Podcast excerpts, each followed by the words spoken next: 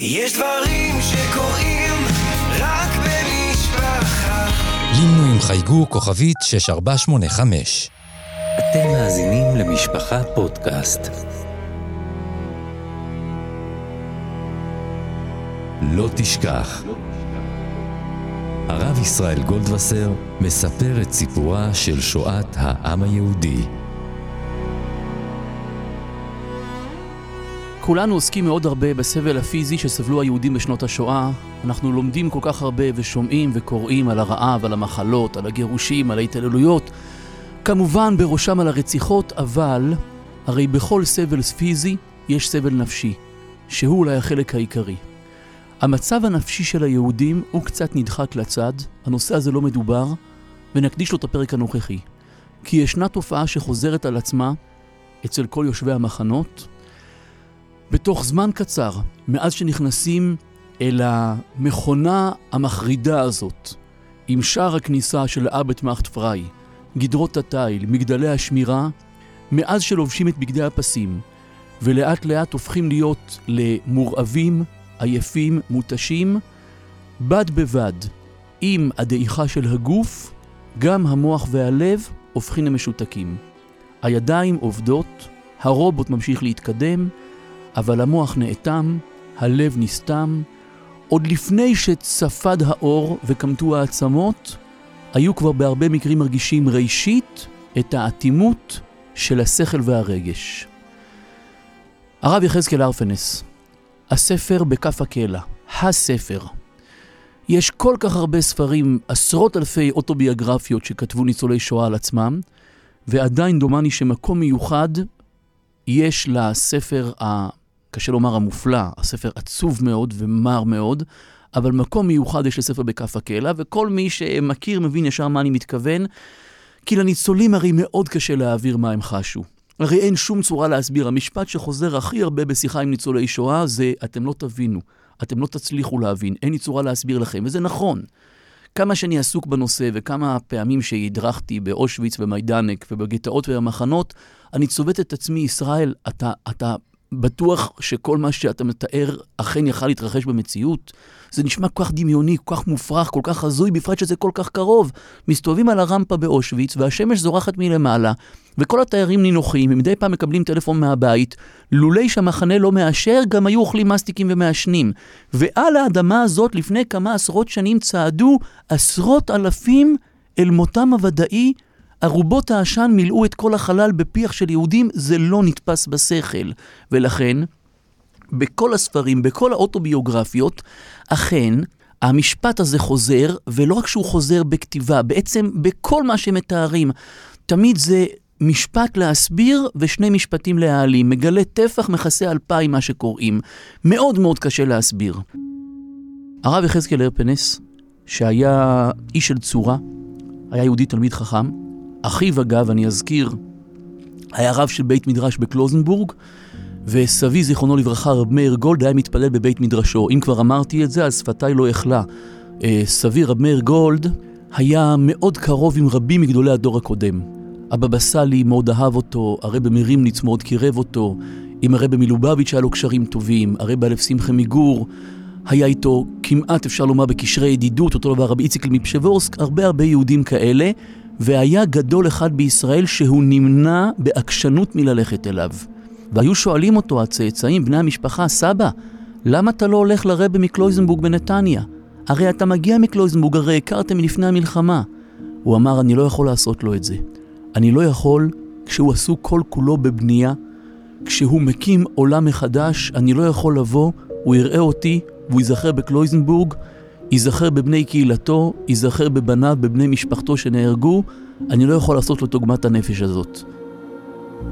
יחזקאל הרפנס, יש לו ספר שבו הוא באמת מצליח להכניס את הקורא ממרחק של עשרות שנים, גם כשהוא יושב בחדר ממוזג על רצפת גרנית ושולחן עץ מלא, מצליח להכניס אותו אל האווירה, אל התחושה, אל הסיטואציה, יש לו גם את היכולת, בלי כתיבה ספרותית ברמה יוצאת דופן, אלא בכתיבה בהירה, קולחת, מנוסחת, הוא נותן המון המון נתונים, היה לו זיכרון יוצא דופן. אז הוא נותן את הכל מאוד מאוד מספרי, וגם בתיאור תמונה מלאה פיקסלים, ממש רואים את ההתרחשות. כל הספר כולו כתוב בהומור שחור, בציניות יהודית. הוא מתאר את הפועלים היהודיים שעובדים אצל הנאצים בעבודת כפייה. הוא מתאר איך שהם בנו את הבונקרים ברידלטוי, והבלוקים היו שווים אפס. החומרי בנייה של הנאצים היו הרי צריכים הרי להחזיק רק לתקופת המלחמה, ואחרי המבנים בדרך כלל לא שורדים, אז הוא מתאר, החומר בנייה היה שווה אפס, אבל הפועלים היו שווים כפליים, שזה אנחנו היהודים שהיינו שווים אצל הנאצים שני אפסים. כל הספר כתוב בסגנון הזה. הוא אומר, הנאצים כל כך צדקו, הם צעקו עלינו כל הזמן במסדרים, שאנחנו רק אוהבים לאכול ולישון ולאכול ולישון, שאנחנו כאלה עצלנים, והם כל כך צדקו. מה זה אהבנו לאכול? אפילו קליפות תפוחי אדמה. בשביל קליפת גזר יהודי הסכים למכור את עצמו. כל כך אהבנו לישון. היינו נרדמים בעמידה על את החפירה באמצע העבודה. הנאצים צדקו. כל הספר כתוב בסגנון הזה, בשפה הזאת, בציניות שהחזיקה יהודים בתוך המקומות העצובים האלה. יש פרק אחד שהוא כותב אותו והקולמוס נוטף דמעות. הפרק בו הוא מספר, 40 שנה אחרי ההתרחשות, הספר נכתב בארץ ב-83, בתשמ"ג מ"ד, הוא כתב את הספר בבאר שבע. הוא מתאר את היום שבו בנו בכורו, שליווה אותו מהבית אל הגטו ואל המחנות, והוא נלקח ממנו מול עיניו, והקאפו הסדיסט מכה בו עד זוב דם, והוא שוכב על הארץ גוסס. הוא אמר, ראיתי אותו, נפרדתי ממנו, ולא הורדתי עליו אפילו דמעה אחת. הפרה גואה כשלוקחים ממנה את העגל. איך יכול להיות שלא הורדתי דמעה על בני מחמד עיני? התיאורים האלה של ההתייבשות, של האטימות, של האדישות שהתחוללה, חוזרים על עצמם שוב ושוב אצל כל אלה שמצליחים להעביר מעבר לסיפור, כל אלה שמצליחים גם להעביר הרגשה, מתארים את אותו תיאור. אולי הבולט מכולם, הגדול מכולם, המוסמך מכולם, זה ויקטור פרנקל. אותו פסיכולוג, מהשורה הראשונה של הפסיכולוגים בעולם, תלמיד ישיר של פרויד, שפרויד, אה, מורו ורבו, יהודי, שנמלט מגרמניה ללונדון ערב המלחמה. חבר שלו, אדלר, גם כן עם האסכולה שלו בפסיכולוגיה, גם כן יהודי, והוא עצמו יהודי שלישי, ושלושתם הם מהשורה הראשונה בעולם ההוא כשהתחילו לדבר על התת-מודע, והוא למד, הוא למד אצל פרויד שהבן אדם הוא מלא בדחפים, מלא בחולשות אנושיות, מלא ביצרים. אדלר דיבר מאוד הרבה על הכבוד העצמי, על התאווה של בן אדם למעמד, לשליטה, לערך. פרנקל הכיר את רבו והכיר את חברו. ואז הוא הגיע אל המבחן האמיתי של מה זה בן אדם במחנות הנאציים. הוא הגיע עם כתב יד של עבודה שהוא עצמו כתב, וכתב היד נלקח ממנו, והוא הרגיש כזה סמרטוט. הוא גמור. הוא גמור פיזית וגמור נפשית ורגשית. שם הוא הגיע למסקנה, המסקנה המאוד מפורסמת בשמו, שהאדם בנוי לא על יצרים ולא על כבוד, האדם חי ממשמעות. אני חושב שאין עוד ספר, מתוך כל עשרות אלפי הספרים שיצאו על השואה, ששם הספר הוא האדם מחפש משמעות. אחד מהמשפטים המפורסמים שלו, מי שיש לו למה שלמענו יחיה, יוכל לשאת כמעט כל איך. זה מה שהוא למד שם בין גדרות התיל. החלק הזה בספר מפורסם, לאלה שקראו את הספר ולאלה שמכירים את הציטוטים, הספרים מהסוג הזה הם לא מצבה אילמת, הם קול קורא, הם גם אומרים לנו משהו, הם נותנים איזושהי דרך אחרי המלחמה. הם אומרים שכל התמודדות יש צורה לצאת ממנה, ואם הם הצליחו להיחלץ ממנה עם משמעות, אז קל וחומר אנחנו. החלקים הפחות מוכרים בספר, והם הנוגעים לנו כעת. החלק הפחות מוכר בספר, הוא מתאר את ההלם שלו מהסביבה שלו ומעצמו. הוא פסיכולוג. האומנות שלו היא נפש האדם, תחושות, והוא מגיע אל המחנה, והוא שם לב שמיום ליום הוא הולך ונאטם. הוא אומר, אני לא מבין, אדם ביום-יום רואה אחד נפצע, זה מזעזע אותו. רואה מישהו חוטף מכות, הוא לוקח ללב. הוא רואה אדם בוכה, מנסה להשתתף בצער. הוא רואה מישהו מתפרק, זה מטלטל. ופתאום אנחנו הולכים ומכל עבר. מכות, פצועים, גופות, הרוגים, ובתוך זמן קצר זה לא נוגע לנו. הוא ממש מנסה לפענח את זה, הוא שואל את עצמו מה קרה לי. הוא לא למד על כך לפני כן, הוא לא הכיר את זה בעולם שבו הוא עסק, איך זה עובד. ואז הוא לומד על מנגנון הגנה שמפתח המוח האנושי כדי להתמודד עם זוועות גדולות מדי. זוועות שהוא לא מסוגל להכיל, ואם הוא ייקח ללב, הלב יתפוצץ, הלב ייגמר, אז הלב פשוט נאטם. הלב נסגר. הוא מתאר את זה באמנות משלו, וממש תוך זמן הוא כבר מסתכל על זה כמו פסיכולוג, כמו איש מקצוע, הוא בודק תוך כמה זמן זה קורה. מה קורה לאסירים שבאים אחריו. הוא ממש נותן בספר את הסוג של סכמה כזאת, מה קורה לאדם אחרי שבוע במחנה, מה קורה אחרי שבועיים, ואיך אחרי חודש הוא הופך להיות כמו רובוט. הוא זז, הוא עולה, הוא יורד, הוא סוחב, אבל הוא לא חושב והוא לא מרגיש. הרב לאו שיחיה לאורך ימים. בספרו הנפלא "אל תשלח ידך אל הנער". ואת רוב הספר הוא כותב כמובן מזיכרונותיו האישיים, מהתקופות המאוחרות יותר. הזיכרונות הראשונים מתקופת השואה, בהם הוא היה עדיין ילד רך. הוא כותב בעצמו שאת חלק מהדברים הוא זוכר לבד, וחלק ממה שהוא זוכר מהסיפורים של אחיו, אבל יש סיפור, אחד הסיפורים הכי משמעותיים בספר, מיום השחרור של מחנה בוכנוולד. ילדון קטן, בן שבע, נמצא במחנה, הוא כמעט לא ראה יום טוב בחייו. לא חלמת על קצה המנהרה עם שביב של אור. הוא מפייטרקוב, העיר הראשונה שבה הוקם גטו, ומאז גיל שלוש הוא כבר מכיר סביבו רק נאצים, מגלבים וכלבים. הוא גולה מהגטו אל המחנה, הוא מוחזק שם, ויום אחד, בשערי המחנה, נכנסים החיילים האמריקאים. אבל אצל הילדון הקטן חיילים זה מפחיד, הוא לא כך יודע להבדיל ביניהם, אז הוא מתחבא באיזשהו אינסטינקט חייתי של הישרדות. איפה מתחבא ילד בבוכנוולד? מאחורי ערימת גופות. מגיע, יחד עם הפלוגה, מגיע הרב הצבאי הרב שכטר. והוא הולך הוזה, מבולבל, בין הצריפים של בוכנוולד, ומאחורי ערימת הגופות העצובה, הוא קולט זוג עיניים, עיניים קטנות, עיניים של ילד. הוא עוקף את הערימה, ורואה שאכן העיניים האלה שייכות לילד, ילד קטן. הוא מבין שזה ילד יהודי. ראיתי סוג חדש של מדים, והוא אדם מתקדם לכיווני עם אקדח שלוף. והוא ראה שאני מפוחד, אז הוא אילץ את עצמו לחייך אליי. מנסה לחייך אליו והעיניים זולגות דמעות, ושואל אותו, ילד וי אייסטי, איך קוראים לך? אז הילד אמר לו, לולק, ישרוליק, ישראל. את שמו השני הוא לא ידע. את השם ישראל מאיר נודע לו רק בארץ אחרי המלחמה, כשהרב, מי שלימים היה הרבי הבית ישראל מגור, אמר לו, הייתי בברית שלך. אני זוכר את אבא שלך נותן לך את שמך המלא ישראל מאיר. הוא אומר לי ביידיש, אינגלה, ואיש דיין טאט. ואני עונה לו פרברנט, שרוף. Wie ist, gestorben, מתה, אני אומר לו. wie alt Kind? בן כמה אתה, ילדי?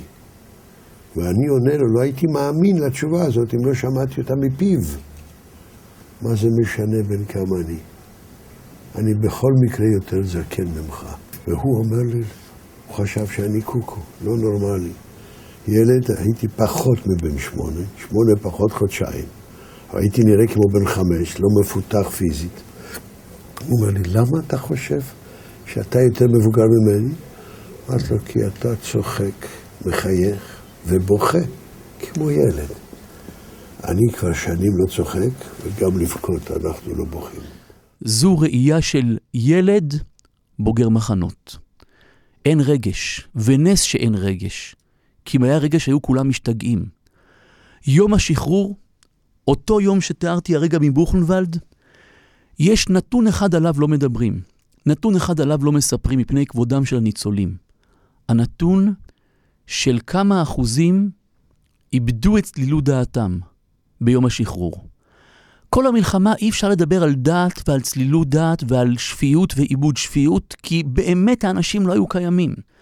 במהלך כל המלחמה רק עסוקים בלשרוד, רק רצים אחרי פרוסת לחם, צלחת מרק והישרדות. בבוקר תאמר מי ייתן ערב. אין רגע לחשוב, מניחים את שק העצמות על הדרגשים, עוצמים את העיניים ומיד מתחילים לחלום על אוכל, מתעוררים בבעתה מהצעקות אלה סרון תרא רויס רויס שנל שנל ורצים החוצה למסדר, מחכים לפרוסת לחם שתגיע, הולכים לעבודה, עובדים שם מתוך פחד מוות והכוחות שאוזלים, אין שנייה אחת, ביום השחרור פתאום הכל נעצר.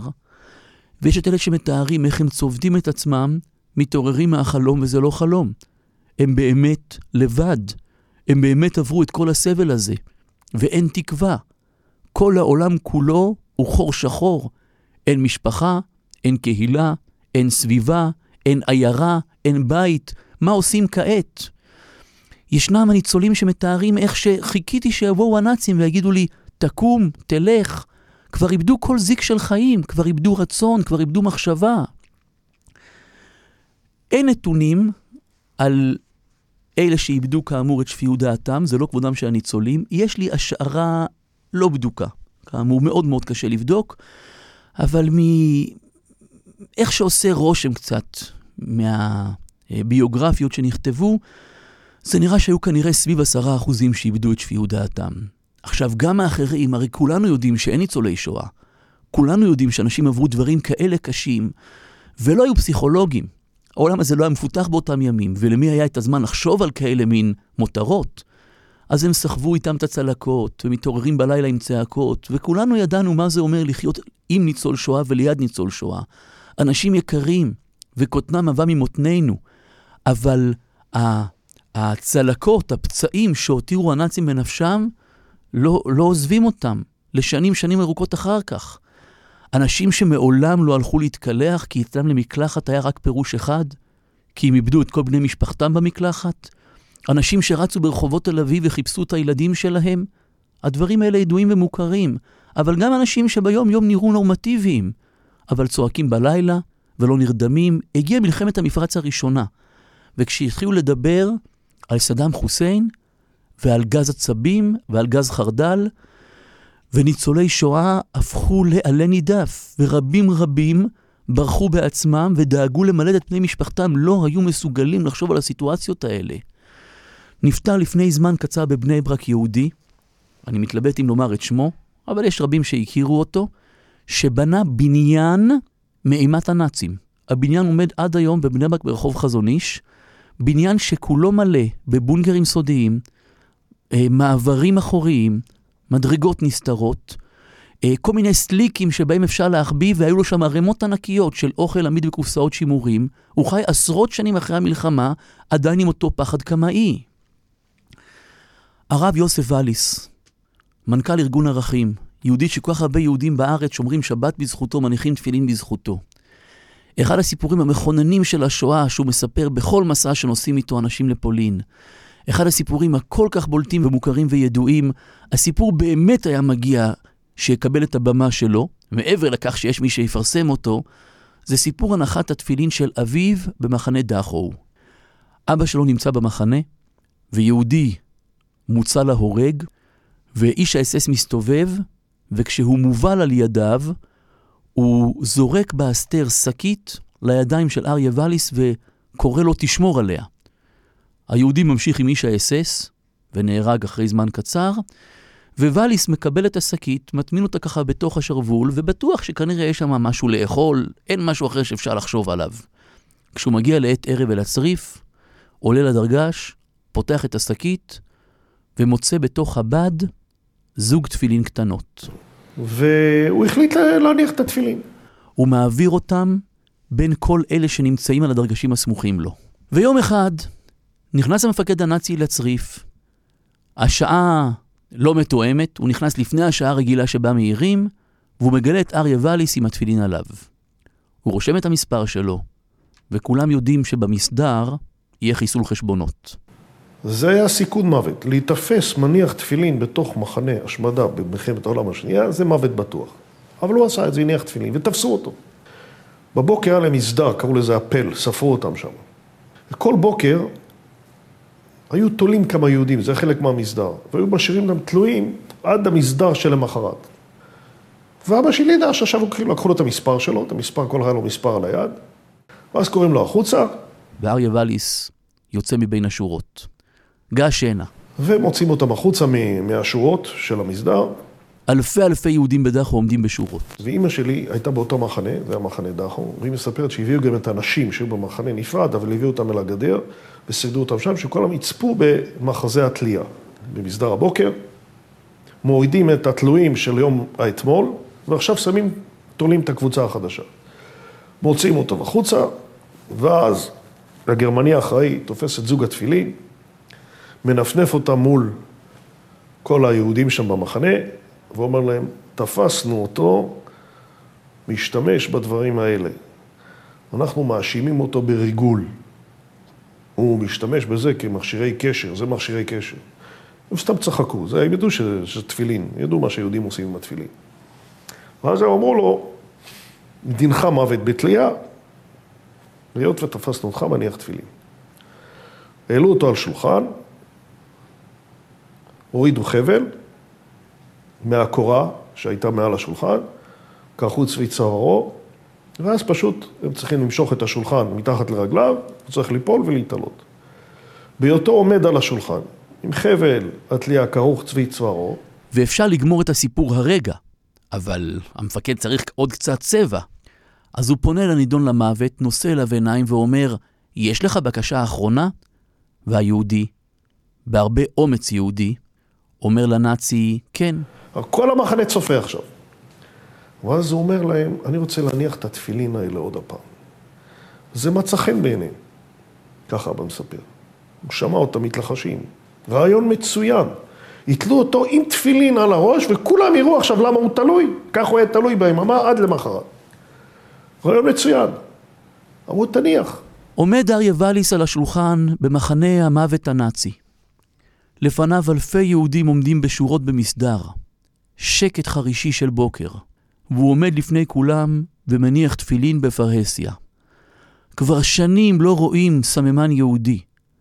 ופתאום הוא עומד ומברך בקול ואין לו מה להפסיד, וכורך את התפילין של יד, ומניח את התפילין של ראש, עם חבל תלייה כרוך סביב צווארו, ולא הורידו עדיין את החבל, השאירו אותו עם החבל סביב הצוואר. כל מה שצריך רק למשוך את השולחן מתחת לרגליו, ומוסרים לו את התפילין, והוא מניח את התפילין. ואז הוא עומד ומניח תפילין עם כל הציבור. כולם עומדים ומסתכלים. אפילו הגרמנים ששומרים עליהם מסביב, עם הכלבים. ואבא מספר, הייתה שם דממה מוחלטת. אפילו הכלבים לא נבחו. והוא עומד על השולחן מגבוה, ומשקיף על כל המחנה, על אלפי האסירים שם. אפילו הוא רואה דמעות פה ושם, למרות שהוא אומר שאנשים כבר עיניהם יבשו מדמעות. והוא רואה את הדמעות בעיניים של האנשים. והוא עומד לו שם עם התפילין, מניח אותם. והוא לא מבין למה הם בוכים. הוא אומר, אתה יודע איזה הרגשת ניצחון הייתה לי שאני עומד שם למעלה על השולחן עם חבל התלייה כרוך סביב צררי ובאמצע מלחמת העולם השנייה מול הגרמנים, מול הכלבים, מניח תפילין ואף אחד לא אומר מילה. הוא אומר, אתם יודעים איזה ניצחון אני הרגשתי, זה כמו לעמוד באולימפיאדה על הדוכן ולקבל מדליית זהב. אני עומד שם מול כולם ומניח תפילין באמצע מלחמת העולם השנייה ואני מרגיש שאני פשוט ניצחתי. ולא שלא הבנתי שכל רגע עכשיו הולכים למשוך את השולחן ואני הולך להיות תלוי פה. אני ידעתי בדיוק מה הולך לקרות איתי, לא פינטזתי ולא הייתי בשום דמיון. ידעתי בדיוק איפה אני אוחז. וככה אני עומד, מרגיש תחושת ניצחון אדירה. והנה ברגע האחרון, נכנס שם איזה קצין אס-אס למסדר, בא מבחוץ, רואה את כל הסרט הזה. הוא אומר, מה זה, מה זה יהודי הזה עומד שם על הזהו? ומתחיל להשתולל בצרחות. מה זה היהודי הזה עומד שם על השולחן עם תפילין ואתם עומדים פה כמו אני לא יודע מה. תורידו אותו, איזה מין מוות זה? זה מוות קל. ניתן לו מכות על הראש, איפה שהוא מניח את התפילין עד שהוא ימות. סוף הסיפור פחות נוגע לענייננו, והוא גם מאוד התפרסם, הנאצי פתאום קולט שהוא יצא וירדו לתחתונה, והוא מחליט שבמקום שהוא ימות בתלייה, אז הוא ימות במלקות, ומוריד אותו מהשולחן, ומלקה אותו 50 מלקות, הוא בטוח שהוא מת. וזורק את הגופה לרמת הגופות, אבל מגיע לילה והוא מתעורר וזוחל מתחת הצריף, ותוך תקופה קצרה מגיע השחרור והוא שרד, והקים משפחה, ו- והבן שלו שיחיה לאורך ימים יכול ללכת ולספר את הסיפור. לפני שנים לא ארוכות, הסיפור התפרסם, הסיפור נדפס באיזה עיתון בערב שבת, וישב יהודי מבוגר מאוד, יהודי בן 90 פלוס בגבעתיים, אברהם לסקי, והוא קורא את העיתון, משפשף את העיניים ונדהם. הוא עמד שם במסדר בדחו. אריה ואלי שרד? אני ראיתי איך מכים אותו עד מוות. הוא ראה את הגופה שמושלכת בצד והוא כל כך כאב, כי הוא היה מאלו שהיה בדרגה שמדי פעם קיבל את התפילין הללו, ואריה ואליס דחף אותו, תניח, תניח, בזכות זה תנצל. והוא ראה איך אותו צדיק, זאת אומרת, אותו יהודי שדאג לתפילין, נרצח בגללם והוא מאוד כאב, ועשרות שנים אחרי המלחמה נודע לו שבעצם הוא שרד. ושבוע אחר כך התפרסמה בעיתון התמונה, יוסי ואליס עם אברהם לסקי, עומדים ביחד חבוקים. סיפורים יהודיים, סיפורים שרק המלחמה הנוראה יכולה לייצר. אני מוסר את השיעור הזה, ומבין כל השיעורים הוא לא מצבה אילמת, הוא קול קורא. כי קשיים פיזיים, ברוך השם, ברוך השם פסקו מאיתנו. אנחנו לא מכירים את הרעב, לא מכירים את הסבל, לא מכירים, אנחנו קצת מנסים להיזכר וחווים את מה שהם חוו, אבל לא באמת מכירים את זה אישית. קשיים נפשיים לצערנו, ילד שמרגיש חסר אונים, אדם מבוגר שאומר לא מתייחסים אליי, מצב רוח מדוכדך, את הדברים האלה אנחנו מכירים. ויבואו הסיפורים האלה וילמדו שעברו אנשים מצבים נפשיים קשים, וכאן מגיעה השאלה הרלוונטית אלינו, מה יחזיק אותם. ויש תשובה מאוד מאוד בולטת ומובהקת. המקום היחיד, החי, הרגעים היחידים שהרימו להם את הראש מעל המים, זה רגעים של ערכים. רגעים של רוחניות, רגעים של רוממות. אחד מספרי הזיכרונות הרבים זה ספר הזיכרון של שולם פולק. הוא מספר על עצמו במחנה, שכשמתקרבים ימים נוראים, מגיע אחד מחבריו עם בשורה שהוא מצא שופר של פרה. שופר של פרה כותב את המשנה שהוא פסול לתקיעה, אבל שופר אחר אין. הוא אומר, החלטנו שאנחנו נתארגן לתפילת ימים נוראים במחתרת, ותפילה במחתרת זה אומר מתוך סיכון חיים ופחד מוות, אבל יהודים מתכנסים לתפילות, ואנחנו יודעים את זה הרבה מקומות שבגטאות ובמחנות היו תפילות ימים נוראים. ומתפעלים מתפילת שחרית. ספר תורה אין, וכעת צריכים לתקוע שופר וגם אותו אין. אז השתמשו בקרן הפרה, לברך עליה אי אפשר. אז הוא אמר, החלטנו שמברכים ברכת לשמוע קול שופר בלי שם ומלכות. תוקעים בשופר של פרה כזכר. הגמרא אומרת שכשאין ארבעת המינים כשרים, גם אם לוקחים פסולים, אז עושים את זה כדי שלא תשתכח תורת לולב ואתרוג. אז יש לנו שופר פסול, ונברך עליו לשמוע קול שופר בלי שם השם. אבל ברכת שהחיינו, אותו תוקע אומלל בתוך מחנה המוות, מחזיק את השופר, והתחיל לברך ברכת שהחיינו, והוא בירך אותה בשם ומלכות, כי השמחה התפרצה, כי אם היה משהו שהחזיק את הבן אדם מעל כל הגלים העכורים, זה הידיעה, אני יהודי, ויש לי אפשרות לעשות נחת רוח למי שאמר והיה העולם אפילו כאן, ואת זה אף אחד לא יוכל למנוע ממני, גם נאצי. הכרתי טוב יהודי בשם לייבל קוטנר, זיכרונו לברכה. הכרתי אותו, אני הייתי בן 14, הוא היה בן 94. וממרום שנותיו הוא ירד בכזאת נעימות אליי ואל חבריי, ללמד את בני יהודה קשת, ללמד צעירים להתמודד עם הניסיונות לאור מה שהם התמודדו. הגבורה שלו במלחמה הייתה שהוא ניסה לשמור על המצב רוח של החברים שלו. הוא הבין שאוכל הוא לא יכול לספק להם. לפתור אותם מעבודת הכפייה אין ביכולתו. אבל להרים להם את הראש, לחלץ אותם מהמחשבות הקבועות והאובססיביות על אוכל ועייפות ושינה, את זה אפשר. הוא היה דואג בכל כוחו להשיג סיגריה. אלה שמכורים לסיגריות ונתנו את מנת לחמם תמורת סיגריה, לא שרדו. סיגריה לא מספקת את אבות המזון הדרושים לגוף. והוא, שהוא היה אדם עם שליטה עצמית כל כך גבוהה, ידעו חבריו שהוא דואג להשיג סיגריה אחת בשבוע. ומשלם בעדה, תבינו תקילין, במטבע קשה, בפרוסת לחם. ומגיע מוצאי שבת, ואצל אסירי המחנה אין לילה ואין בוקר ואין שבת ואין חול ואין קיץ ואין חורף, הכל רצף אחד ארוך של סבל. הפסיכולוגים שמתארים את המלחמה, אחד הנושאים זה זה שאין שעון ואין זמן, אין משמעות לזמן, אין ערך לזמן ואין התקדמות בזמן. הסבל הוא אחד ארוך ורצוף. ומגיע מוצאי שבת, וכשיוצאים שלושה כוכבים, הוא נעמד באמצע הצריף וקורא בקול ברוך המבדיל בין קודש לחול. מצית את הסיגריה, מוצאת ממנה מציצה אחת, ואז הוא עובר אחד לשני בין היהודים ואומר, נו, תגיד בורך המבדיל, ונותן לו מציצה מהסיגריה. תגיד ברוך המבדיל. מה הוא התכוון? את הסיגריה? את המציצה? הוא התכוון להכניס צבע, להכניס חיים, להרים את הראש ואת המחשבות. זה חוזר על עצמו כל הזמן. אנשים מספרים, אנשים מעידים על דברים מאוד מאוד קשים שהם חוו. ובכל פעם, כשמגיעים לספר על התפילות המחתרתיות, על לימוד תורה בסתר בבונקר, על התארגנות לאיזה משהו של ליל הסדר, או סוכה, או שופר, או תפילה, או מעשה חסד שהצליחו לעשות. כשרואים את הניצוץ בעין, כששומעים את ההתרגשות בקול, יודעים בוודאות מה הדבר שהחזיק אותם, מה הדבר שנתן להם את החיות. לסופר הידוע דוד זריצקי יש סיפור בשם חצי שעה של אושר. את הסיפור הוא סיפר על שכנו, שמי ליקבר, שמואל בורנשטיין, היה דמות חסידית ידועה בירושלים. חצי שעת האושר של שמואל ליקבר, ומאוד מאוד קשה לספר את הסיפור הזה, אולי אחרי כל ההקדמה הארוכה, אז אפשר כעת לנסות לגעת בכזה סיפור קדוש. הוא תיאר את עצמו שהוא נלקח אל הגטו, ובעצם מנושל מדירתו, מהנדלן, מהרכוש, מצטופף עם בני משפחתו בתוך חדר, דירה שכל חדר הוא משפחה נוספת. ביום שבו לוקחים אותם מהגטו אל הרכבת, אז הוא משאיר מאחוריו את כל הרכוש, וכל אחד מהילדים הולך עם מזוודה קטנה של כמה קילוגרמים. הם מגיעים אל המחנה, וההוראה היא להשאיר את המזוודות ברכבת, והוא יורד על הרציף, והוא רק הוא ובני משפחתו. ואז מגיעה הסלקציה, ומפרידים אותם ימינה ושמאלה, והוא נשאר לבד.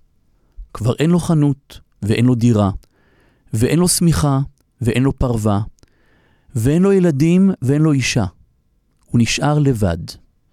הוא נבחר לחיים, ומכניסים אותו אל הסאונה, ולוקחים ממנו את בגדיו, וחוקקים בו את כתובת הקעקע. והוא יוצא החוצה, ואין לו כלום בעולמו, אפילו לא בגדים. אין לו כבר שם, יש לו מספר. ואז כשהוא מברר אצל אלה שכותבים את כתובת הקעקע, ואיפה האישה והילדים, והם פוחרים ידיים ומראים לו אל הערובה שמעלה עשן, ומסבירים לו שהוא לא יראה אותם יותר. ואצל כל הניצולים זה הרגע הכי קשה. והוא תיאר, נפלתי ברוחי, והייתי אבוד לחלוטין. אין לי כלום בעולמי. תלוש מהעבר ומיואש מהעתיד. ואז הוא שומע לידו קומוניסט, אסיר, לוחש, אבל את לנין וסטלין הם לא ייקחו לי. הוא שומע את המשפט הזה, וכמו מתעורר מחלום, ויגבה ליבו בדרכי השם. לא ייקחו לו את לנין וסטלין, לי לא ייקחו את הקדוש ברוך הוא. לי לא ייקחו את היהדות שלי. הוא תיאר לימים שזו הייתה החצי שעה הכי מאושרת בחייו. אני מתבייש לחזור למשפט הזה, אני מרגיש שאנחנו כל כך רחוקים ממנו. כי אדם ביום-יום יש לו איזה שאיפה ורצון להישגים. האושר שלו, השמחה שלו, השלווה שלו מגיעה מסביבה, מנוחות, אפילו מחיי משפחה. וזה היה רגע בחיים שאין לו כלום. אבל אני יהודי, בן של מלך מלכי המלכים, ויכול כעת להיזכר בו ואף אחד לא ייקח לי אותו. וזו הייתה חצי השעה המאושרת בחיי.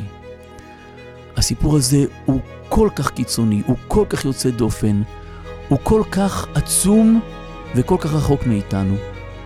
אבל אם הם, באותם ניסיונות נוראים, באותם קשיים שמייבשים כאמור את המחשבות ואת הרגשות, הייתה אפשרות אחת להיחלץ משם, לעולם של תוכן, לעולם של נצח, משם תצא הקריאה אלינו, אל דור השפע המפונק, שנשבר על נקלה מכל קושי סביבתי, לדעת ולהיזכר, דע את אלוקי אביך ועובדהו, העולם עובר, יש דברים אמיתיים שהם מחזיקים אותנו וממלאים אותנו לנצח.